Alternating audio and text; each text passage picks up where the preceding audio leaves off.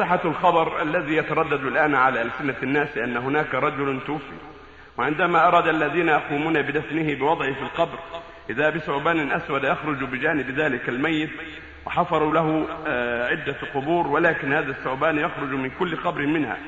وقيل إنه سئل فضيلتكم وأمرتم بقبره في أحد تلك القبور وعندما قبروه وإذا بالثعبان يلتف بالميت ويلتهم رأسه أو لسانه.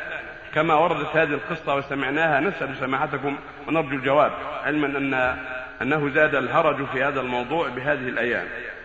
لا أصل لهذا ولا بلغني هذا. حول ولا قوة لا أصل لهذا هذا. كذب. لا أصل نعم استعلم اسم مبين.